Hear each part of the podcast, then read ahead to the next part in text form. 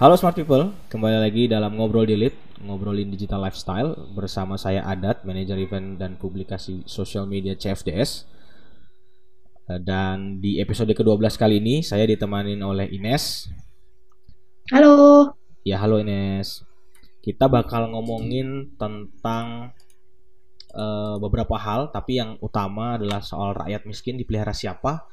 Nah, ini kita akan ngomongin banyak platform donasi daring atau negara. Ini nanti eh, mungkin Ines bisa memberikan sedikit apa ya pengantar gitu atau ya kita ngobrol-ngobrol aja terkait dengan hal ini. Mungkin nanti ini sedang rame juga di sosial media, di Twitter, di mungkin di Instagram juga terkait dengan bagaimana sih sebenarnya eh, peran masyarakat dalam penggunaan eh, donasi di, di di dunia maya gitu ya platform-platform yang kita Hmm. tahu ada benih baik ada ada kita bisa terutama yang paling populer ini sebenarnya eh, membantu atau enggak pertama yang kedua apakah benar-benar eh, campaign-campaign yang dilakukan oleh eh, para eh, warga Masyarakat gitu ya. masyarakat Ya, gitu warganet. Heeh, itu benar-benar eh, bermanfaat untuk untuk orang banyak atau ini sebenarnya sebagai bagian dari kritik aja untuk pemerintah sebenarnya. Nah ini ini akan kita bahas, di podcast kita kali ini. Eh, yang pertama mungkin eh, mungkin aku sedikit punya pengalaman ya terkait dengan donasi daring ini. Kan ini memang baru mencuatnya juga berbarengan nih Nes dengan dengan em, apa namanya ke- keberadaan perkembangan teknologi aplikasi di Indonesia kayak misalnya Gojek, Iya, kemudian Grab dan lain-lain. Mungkin sekitar tahun 2015 ya. 2014 2015. Sebelum-sebelumnya kan kita tahunya kalau mau donasi itu kan cuman di uh, yayasan, di lembaga, Iya, benar. kemudian Yayasan. di kalau di rumah-rumah ibadah masing-masing lah. Kalau yang muslim mungkin di lembaga rumah zakat begitu ya. Kalau yang di Nasrani mungkin ada platformnya sendiri atau ada ruangnya sendiri di di beberapa tempat begitu ya. Nah, tapi Persepuluhan dia. Ya persepuluhan Kalau kalau teman-teman dari. Kristen ya betul teman-teman Kristen Katolik persepuluhan. Eh, dan itu kan tiba-tiba bertransformasi begitu luar biasa. Karena apa? Karena sebenarnya ketika kita melakukan donasi daring atau membantu masyarakat, idealnya kan kalau yang diajarin di agama tuh, nah sebenarnya kita kalau bisa ya membantu orang yang terdekat kita aja gitu. Tapi biasanya kan Iya. kadang-kadang kalau yang orang-orang yang udah mampu ya orang terdekatnya kan juga udah kaya-kaya gitu. Jadi mereka bingung sebenarnya. Gimana saya mau bantu orang nih tapi saya nggak punya saya nggak punya waktu untuk ngebantu pertama.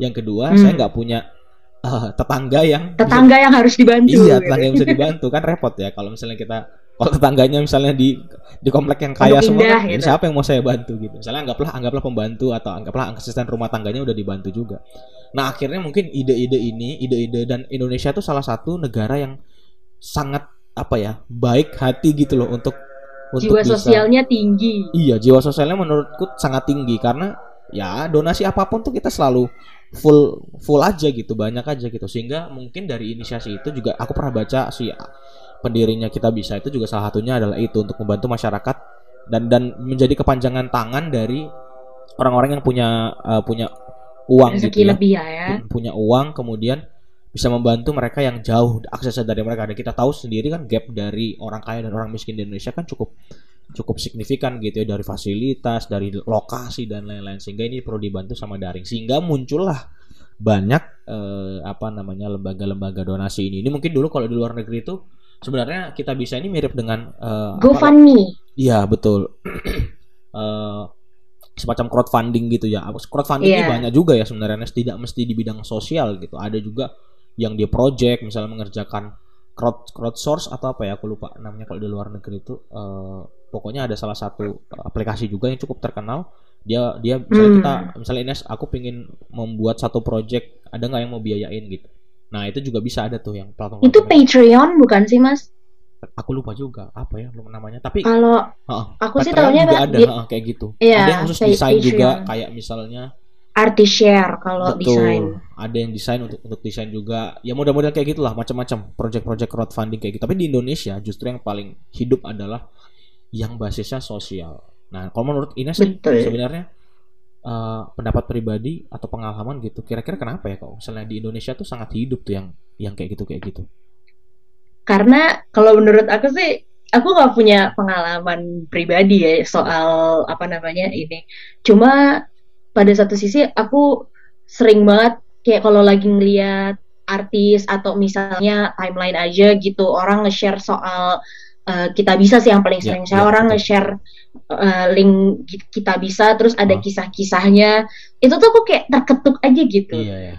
kayak ya ya Allah ya kok gue bisa bantu nggak kayak yeah. ya udah kok bisa bantu ah kayak gitu atau kalau misalnya kenapa yang social karena tuh Indonesia kita dibesarkan dengan yang kayak gotong royong. Iya betul sekali.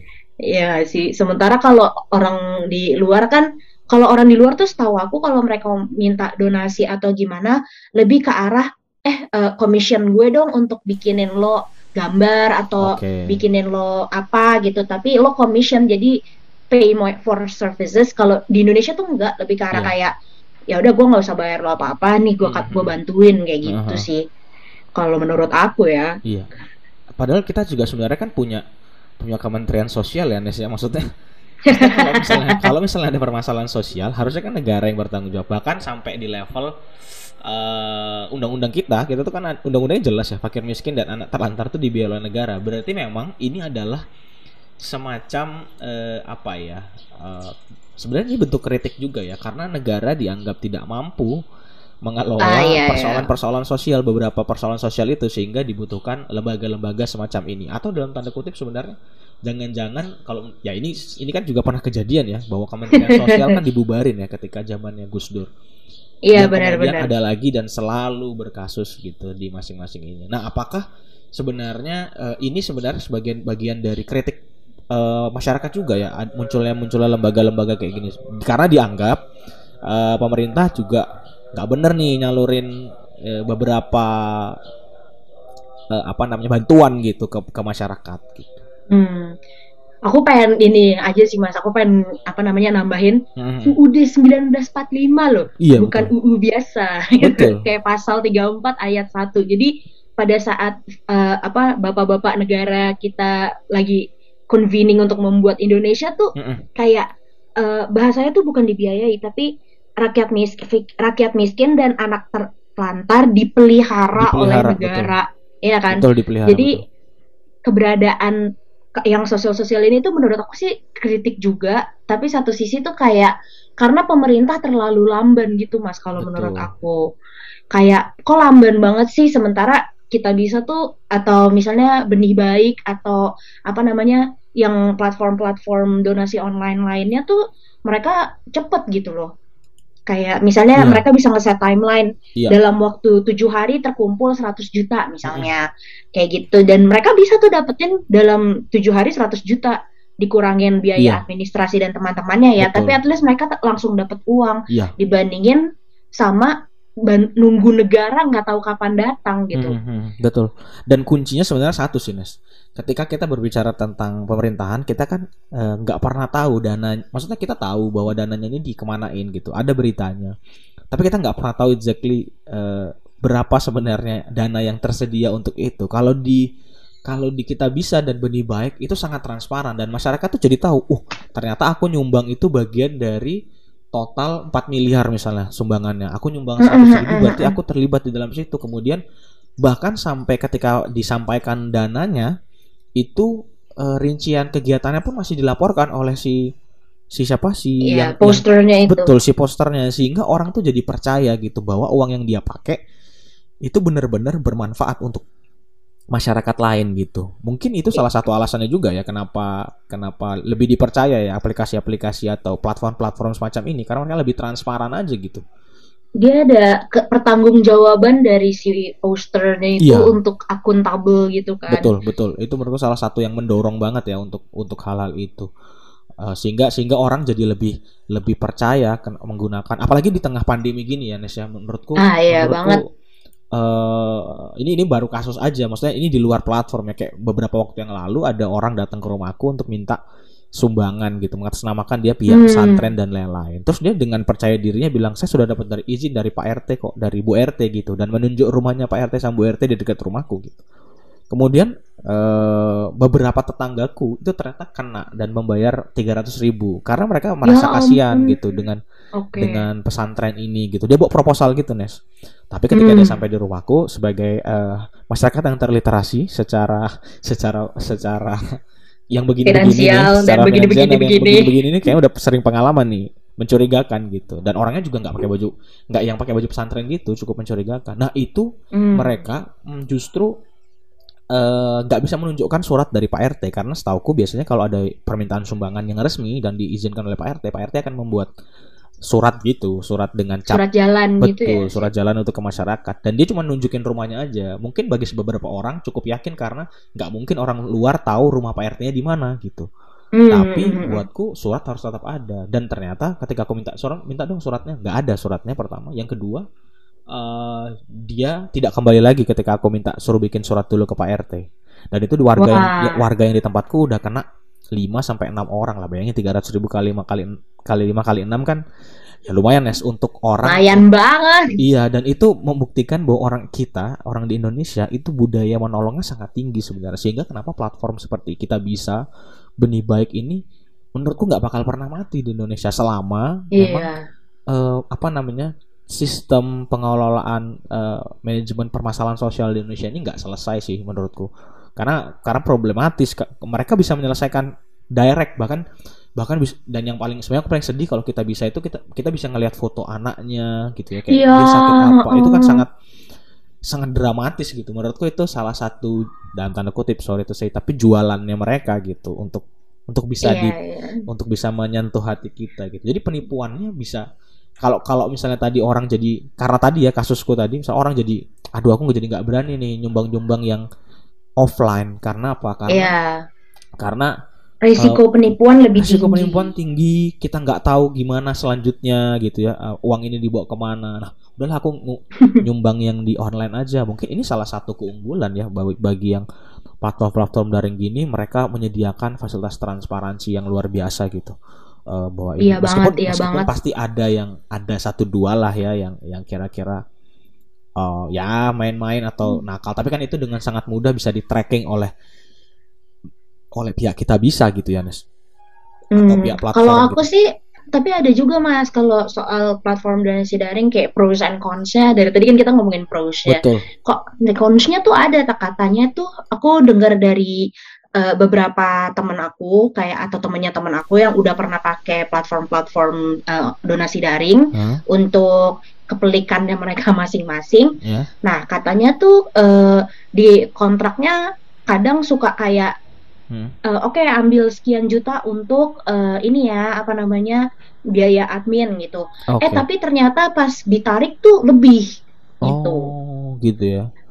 Ya, uh, ya, oleh pihak uh, donasi daringnya. Uh. Okay. Dan itu tuh word of mouth-nya kan gila banget kan, kayak eh jangan pakai uh, apa platform Hari donasi A soalnya dia ini apa namanya gede gitu ya potongannya gede uh, okay. nah cuma kalau yang kayak gitu tuh biasanya nanti uh, mereka si dari pihak platformnya mereka akan memilih untuk uh, apa kayak diselesain case by case gitu loh. Oh punya oh. lo tuh oh. ditarik sekian karena begini, punya lo ditarik sekian okay. karena begini gitu. Yeah, Jadi yeah, yeah. Under the table banget. Jadi menurut aku masih lebih baik lah dibandingin kalau donasi offline kayak tadi yang mencoba untuk uh, iniin Mas Adat. Kan itu literally dikasih tiga ratus ribu terus kita nggak tahu dia ke mana gitu iya. kan. Iya bahkan mungkin aku pun memiliki kecurigaan kayak di, itu orangnya juga sorry ya tapi ya tidak tidak ada tampang-tampang pesantren sama sekali. Sehingga kayaknya memang ya memang tipu-tipu aja gitu. Tapi tapi benar tadi poinnya Ines ya aku juga sempat baca beberapa kali memang di platform-platform daring ini uh, apa mereka melakukan settlement di belakang ya untuk hal-hal seperti itu meskipun di awal udah mereka tulis ya bahwa untuk donasi-donasi umum ya ini rata-rata ya kebanyakan platform mm -hmm. itu mengambil potongan 5% ya. Jadi mm. jadi secara terang mereka mengatakan bahwa mereka mengambil admisi uh, apa ad, untuk admisi dan fee-nya mereka itu uh, eh, 5% dari total seluruh donasi. Jadi bisa dibayangkan uh, kalau donasinya 5 miliar gitu. Ya kalau donasinya oke okay, 10 M lah misalnya gitu. 5 persennya kan berarti uh, sepuluh persen lima puluh juta. Lima ratus juta lima ratus juta nih hmm, iya lima ratus juta. lima ratus juta dan itu angka yang nggak kecil ya untuk untuk satu donasi. Tapi ada ada satu klausul yang yang memang tidak dipotong pajak atau tidak dipotong biaya admisi. Nah mungkin ini yang sering menjadi celanes yang hmm. sering dipermasalahkan. Aku cukup yakin kalau misalnya yang umum kayaknya untuk mengelola uang seperti itu mungkin di 5%. Tapi kalau yang bencana itu mereka menuliskannya khusus untuk bencana alam dan bencana-bencana kayak yang memang sangat membutuhkan gitu, itu potongannya nggak ada. Mereka nggak hmm. me, memberikan potongan sama sekali untuk itu. Nah tapi aku membaca dalam beberapa kasus justru yang bermasalah dari di potongan tuh yang di bencana alam. Karena justru bencana alam ini biasanya dapatnya gila-gilaan. Ada yang sampai iya sih. berapa miliar kemudian ada yang oh, banyak lah pokoknya. Apalagi kalau itu udah di endorse artis gitu. Itu ini ini ini juga menjadi salah satu kunci juga bahwa keberhasilan dari kampanye itu juga harus di, di endorse sama orang-orang terkenal. Sehingga nanti permasalahannya itu biasanya ya itu di settlementnya di akhir gitu. Jadi mereka yeah, bilangnya bahwa ini nol gitu ya settlementnya di akhir. Dan tapi tetap aja ditampilin di di publiknya bahwa ya sesuai dengan angka yang tertera di publik gitu yang mereka sumbangkan gitu. Jadi jadi menurutku ya ya ini mungkin permasalahan yang ini soal bisnis aja sih menurutku ya. Iya benar. Ini bisnis. Nah aku sebenarnya juga apa namanya mendorong sebenarnya banyak platform yang yang platform daring yang juga punya kayak gini kayak gini gitu. Karena setahu aku sekarang nggak terlalu banyak di Indonesia ya platform daring. Yang lainnya mungkin dikelola secara pribadi oleh yayasan ya Nes. Uh, iya benar-benar dia punya Lazis NU punya kemudian ya ini ya ormas-ormas lah yang punya rata-rata ya gitu. Mm -hmm. uh, dan itu biasanya banyak digunakan karena mereka direct mengurusi umatnya yeah. mereka Nes Iya gitu. benar-benar. Misalnya kayak uh, kalau yatim piatu ya berarti misalnya yatim piatu binaannya siapa betul, MI, betul, gitu. betul. Misalnya kayak kayak yang khusus untuk Muhammadiyah gitu ya. Mereka ketika tidak bencana alam misalnya ya mereka mengurusi umatnya mereka yang mereka rasa itu adalah uh, anggotanya mereka gitu sehingga juga orang yang pu yang mampu gitu ya yang memang punya kedekatan dengan ormas itu juga memberikan uh, sumbangannya ke, ke yang lebih tepat sasaran lah menurut mereka gitu. Iya. Yeah. Gitu. Tapi menarik sekali sih pembahasan tentang tentang kita bahas soal platform donasi daring ini karena karena belakangan ini juga muncul ya sebenarnya uh, banyak banyak gerakan banyak hmm. di, di sosial media gitu ya salah satunya juga munculnya di platform daring ini di mana muncul uh, gerakan uh, warga bantu warga itu juga ah, iya, benar. Ines bisa bisa bisa apa bisa bahas sedikit nih soal warga bantu warga ini sebenarnya apa ya? soalnya, ya kayaknya pernah dengar juga nah. aku tuh taunya jadi kalau kita cari warga bantu warga sekarang mas hmm. kita tuh bakal nemunya kayak suatu website yang udah terorganisir mereka ngapain Betul. kayak mereka ter eh, apa mereka tuh gerakannya kalau nggak salah bantuan nakes edukasi sama apa gitu satu lagi ah. tapi bukan donasi Oh, nah gitu. Jadi uh, payung warga bantu warganya ini tuh ada tiga ini. Nah terus abis itu awalnya dia tuh nggak langsung eh kita bikin gerakan warga bantu warga. Nah bukan kayak gitu. Tapi setahu aku dia tuh mulainya kayak misalnya nih uh, yang aku sering lihat tuh fan fan K-pop ya. Mereka tuh jiwa sosialis sangat tinggi juga tuh. Iya. Fan fan K-pop itu. Pasti. pasti. Jadi fan fan K-pop itu tuh rata-rata kayak apa eh ayo nih kita dari fandom uh, eh, EXO-L sih yang paling aku sering lihat bisa kayak hmm. EXO-L, ARMY, BTS itu tuh kayak uh, eh uh, kita mau sumbang ini gitu terus abis itu kayak uh, hashtag EXO-L hashtag ini hashtag hmm. warga bantu warga yeah. gitu nah itu tuh banyak terus ada yang misalnya kayak uh, alumni uh, apa misalnya alumni UGM ya, untuk ya, ya, masyarakat kayak hmm. hashtag warga bantu warga kayak gitu jadi karena ada apa ya kayak grassroots gitu loh banyak banyak banyak banyak banyak sehingga terjadilah suatu satu kayak hashtag yang viral kalau misalnya ada uh, organisasi masyarakat kayak bukan ormas ya tapi organisasi yang berasal dari masyarakat ya. bantuin masyarakat lainnya. Nah itu hashtagnya tuh jadi di bawah payung hashtag warga bantu warga. Nah setahu aku sih kayak gitu ya. Iya iya. Tapi ya. mungkin aku salah kayak. Iya tapi, tahu juga nih. Tapi banyak kok maksudnya dan itu kan juga mulai warga bantu warga itu memang memang baru terutama yang kemarin ya Nes yang ketika ketika kita sedang kewalahan di bulan Juli itu ya masyarakat. Mm -mm, uh, karena ya, ya, mungkin sebelum sebelum pandemi, ya pandemi di awal-awal itu juga awal-awal pandemi ya mungkin ini ini ada tapi dengan dengan nama yang lain tapi aku sangat mendengar tuh ketika Juli kemarin yang ketika varian Delta tuh masuk terus membunuh banyak uh, masyarakat kemudian banyak yang kena COVID akhirnya ada ppkm dan lain-lain sehingga kebijakan pemerintah juga sangat strict untuk tidak bisa tidak boleh berjualan. Hmm, hmm, hmm, hmm. Iya ya. Sehingga Uh, uh, dulu juga sempat ada warga bantu warga uh, warga bantu warga itu kayak mereka bantuin yang Gojek masih ingat gak sih yang kayak uh, yang pas BTS McD itu aku pernah pernah Oh, pernah baca tuh yang iya, dia ngebantu iya, iya, Gojeknya. benar, benar. Itu kan salah satunya juga ini ya, kalau nggak salah Army BTS ya yang yang Bang Iya, iya, benar. sampai kekumpul berapa ratus juta kayaknya lumayan banyak itu. Dan itu kan juga itu kan salah satu bentuk yang yang modelnya sama. Aku nggak tahu itu pakai platform donasi daring atau apa tapi kayaknya beberapa pakai platform daring sih untuk tempatnya. pakai. Heeh. Kemudian sampai diberikan langsung ke eh, driver-driver eh, online ya, driver-driver on eh, apa aplikasi online itu. Hmm, Sehingga hmm, sehingga menurutku ini juga semakin ke sini ketika ketika semakin keadaan semakin gawat gitu ya negara juga secara harus kita akui kewalahan gitu ya menangani Iya, benar.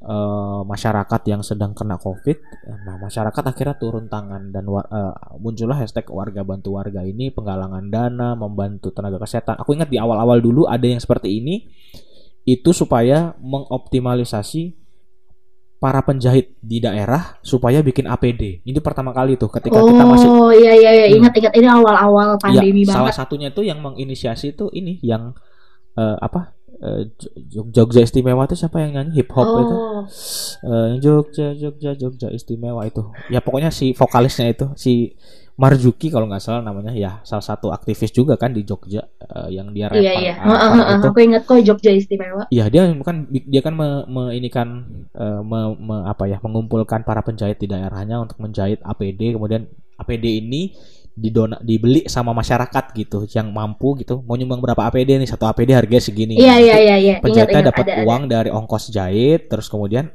uh, tenaga kesehatan dapat APD-nya. Nah, ini bertransformasi terus hingga yang tadi yang BTS itu tadi karena ngantrinya panjang dan lain-lain akhirnya ada ada skema seperti itu dan belakangan juga muncul lagi kan banyak banget terutama ketika Mm-mm. ketika kita drop banget dan ini menurutku sebenarnya ada positif ada negatifnya sih sebenarnya bahwa kegiatan-kegiatan eh, gerakan eh, warga bantu warga yang tidak kita nggak tahu juga sebenarnya siapa inisiator awalnya tapi ini sebenarnya secara secara apa ya secara berkesinambungan dilakukan oleh banyak orang di berbagai tempat ya dan berbagai bidang Iya. gitu nggak cuma satu ini bagusnya sebenarnya ya eh, masyarakat akhirnya bisa juga eh, mengkoordinasikan eh, bantuan ke masyarakat yang lain gitu dengan platform-platform daring tadi itu sangat terbantu sekali tentunya karena eh, lebih mudah tinggal buka aplikasi Iya. daftar foto dan Terus, lain-lain Sebenarnya kalau soal donasi tuh karena duitnya kan nggak harus kayak minimal 10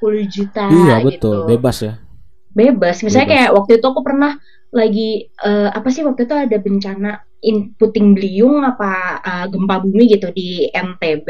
ya, Terus ya. ada sekolah yang hancur. Mm-mm. Terus waktu itu aku tuh kayak eh, ngelihat foto-fotonya ya. Intinya sih foto-foto tuh penting banget kalau lagi ngelihat platform donasi Iya. daring. Terus ada deh yang kayak kasihan banget bener-bener atapnya nggak ada. Nah terus aku mikir aku tuh nggak punya uang kayak mas. Hmm.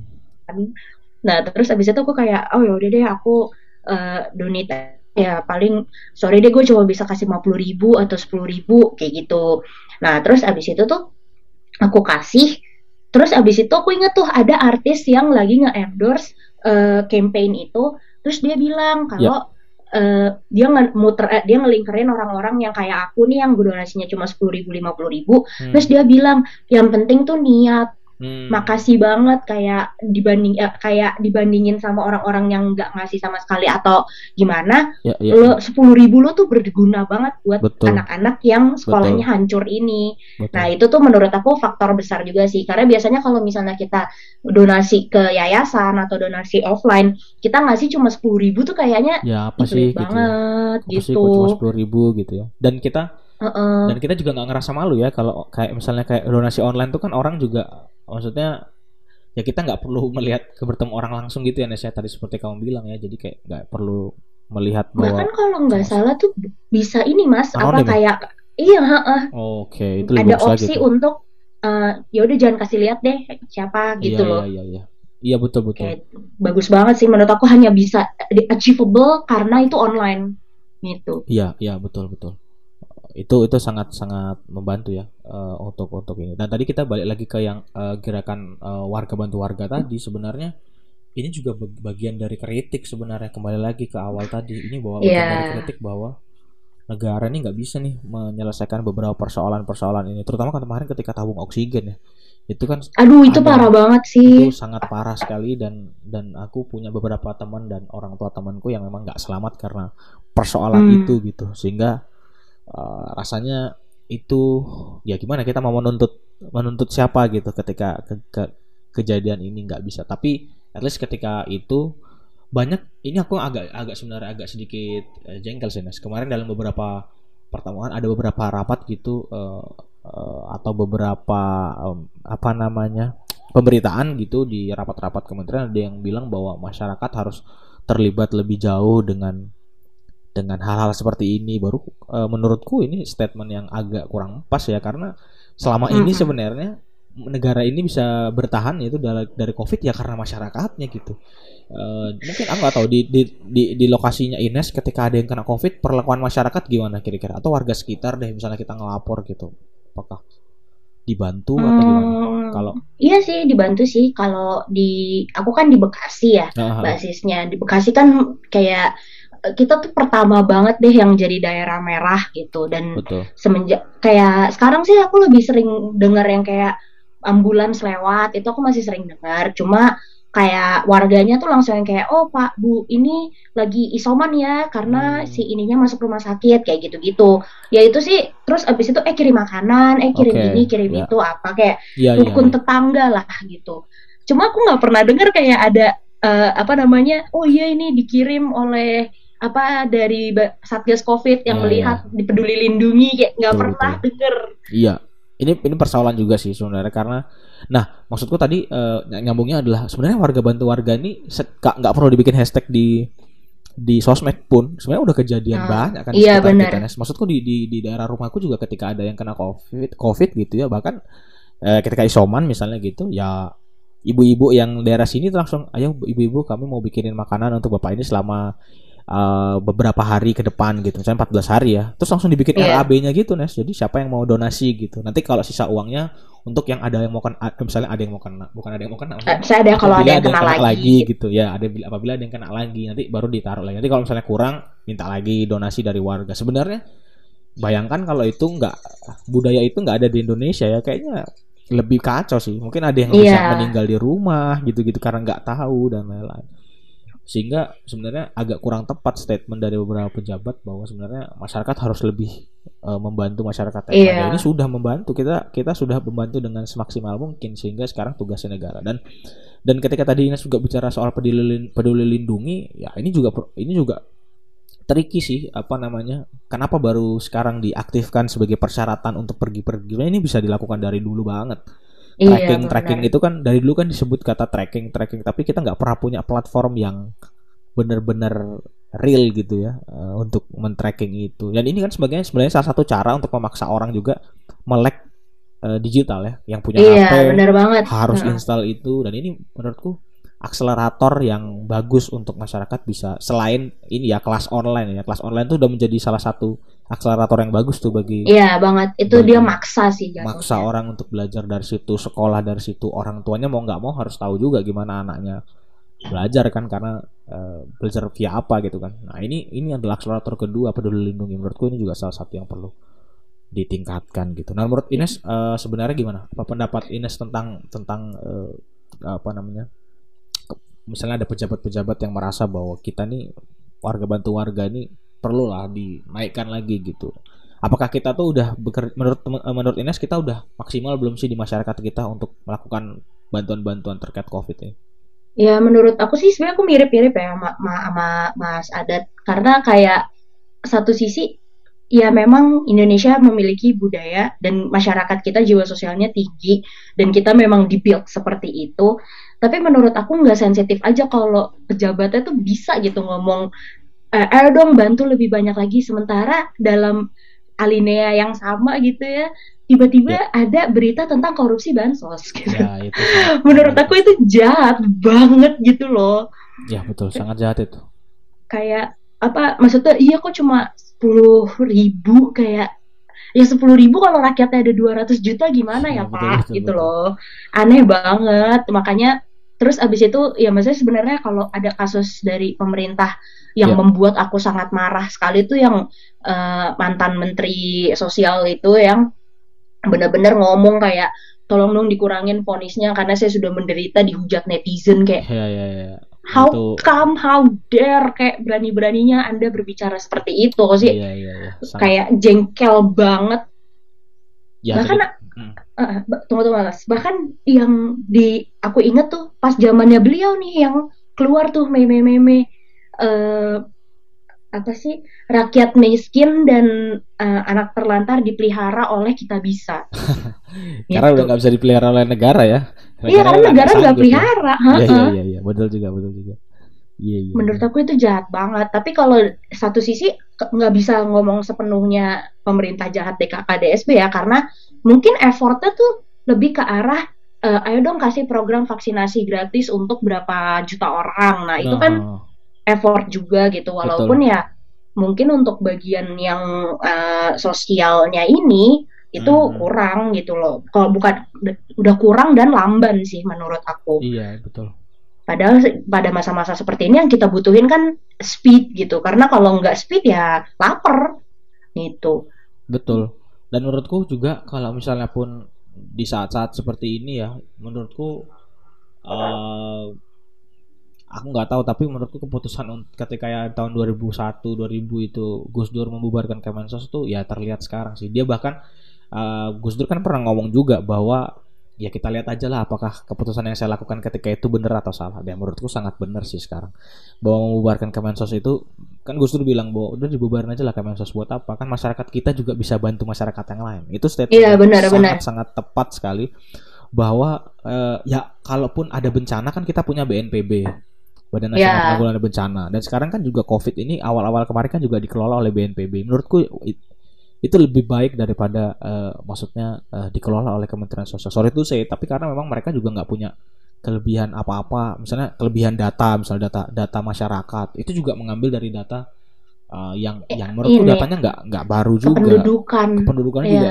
datanya juga sangat buruk gitu sehingga banyak yang udah meninggal tapi dimasukin data gitu banyak yang masih hidup tapi nggak masuk di data ini juga gimana maksudnya malah jadi lucu dan itu ya, akhirnya uh, muncul meme-meme tadi ya rakyat di rakyat dipelihara oleh kita bisa ya bukan bukan oleh negara sehingga ini ini lucu banget sih sebenarnya meme-meme kayak gini. Nah itu itu bentuk kreativitas ma masyarakat ya yang memang uh, sekarang udah kreatif-kreatif kayak gitu itu udah udah makin gila-gilaan lah di sosmed. Dan dan menurutku itu kritik-kritik yang bagus uh, meskipun uh, ya akhirnya kritik-kritik itu kan yang dijadikan alasan sebagai keringanan hukuman gitu kan.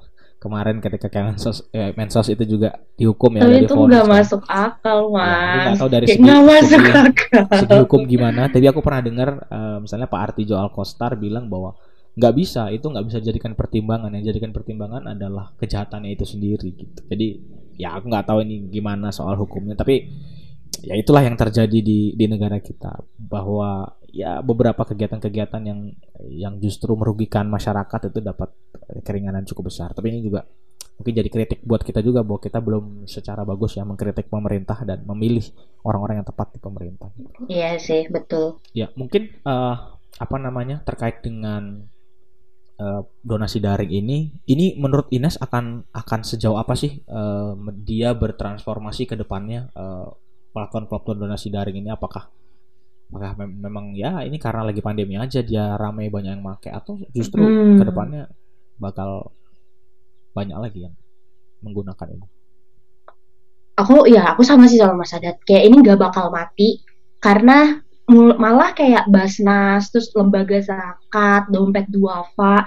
Sekarang kan semuanya bikin uh, online equivalentnya juga, karena mereka nggak mau kalah sama orang-orang yang berdonasi ke apa namanya eh, platform-platform donasi or online gitu. Ah, betul. Jadi kalau misalnya orang mau sedekah, jadi aku ingat banget Tokopedia, terus uh, shop aku nggak ya buka lapak aku ke Shopee enggak ya tapi kalau Tokopedia nah, mau ya. buka lapak tuh mereka punya kan uh, ini fitur apa sedekah iya iya iya betul Genius juga ada kok nggak salah tuh fitur hmm. sedekah nah itu tuh menurut aku salah satu kayak apa uh, semuanya tuh mengarah ke online gitu dan menurut aku platform donasi daring ini nggak akan pernah mati karena sejujurnya di dunia ini kan lebih banyak orang-orang yang tidak terlibat dalam suatu apa organisasi atau cause tertentu tapi pengen bantu aja. Iya betul. Gitu. Jadi misalnya nih lagi scroll scroll kita eh, kita bisa atau benih baik gitu ya. Ya. Terus tiba-tiba kayak ih kasihan banget, eh gambarnya sedih banget gitu. Terus oh yaudah oh, donasi ah kayak gitu. Hmm. Bahkan teman aku ada yang eh, entahlah aku gimana ya. Kayak dia menjelaskan aku eh, ke aku panjang lebar soal zakat Hmm. dan ternyata zakat tuh dibayarnya setahun sekali gitu gitu gitu terus dia bilang oke kalau gitu mas sekarang gue sedekah aja nah terus sedekahnya itu adalah itu dia tiap eh, tiap habis gajian dia ngeliat tuh kita bisa terus oh ini ada Oke. ini oh ya udah gue sedekah segini segini segini hingga total yang menurut dia eh, apa kayak budgeting sedekahnya dia tuh segitu dalam sebulan gitu loh Nice sekali. menurut aku itu ini banget kayak apa kayak generasi kita kan makin ke depan makin aware ya mas yang kayak pocketing, budgeting kayak gitu-gitu kan. Ya betul. Nah platform kita bisa ini tuh jadi bukan yang kayak dompet duafa atau gimana yang tiap bulan ngingetin kita untuk Iya. eh sedekah dong, Iya eh iya. zakat dong, bukan yang kayak gitu tapi lebih ke arah dari kesadaran kita sendiri.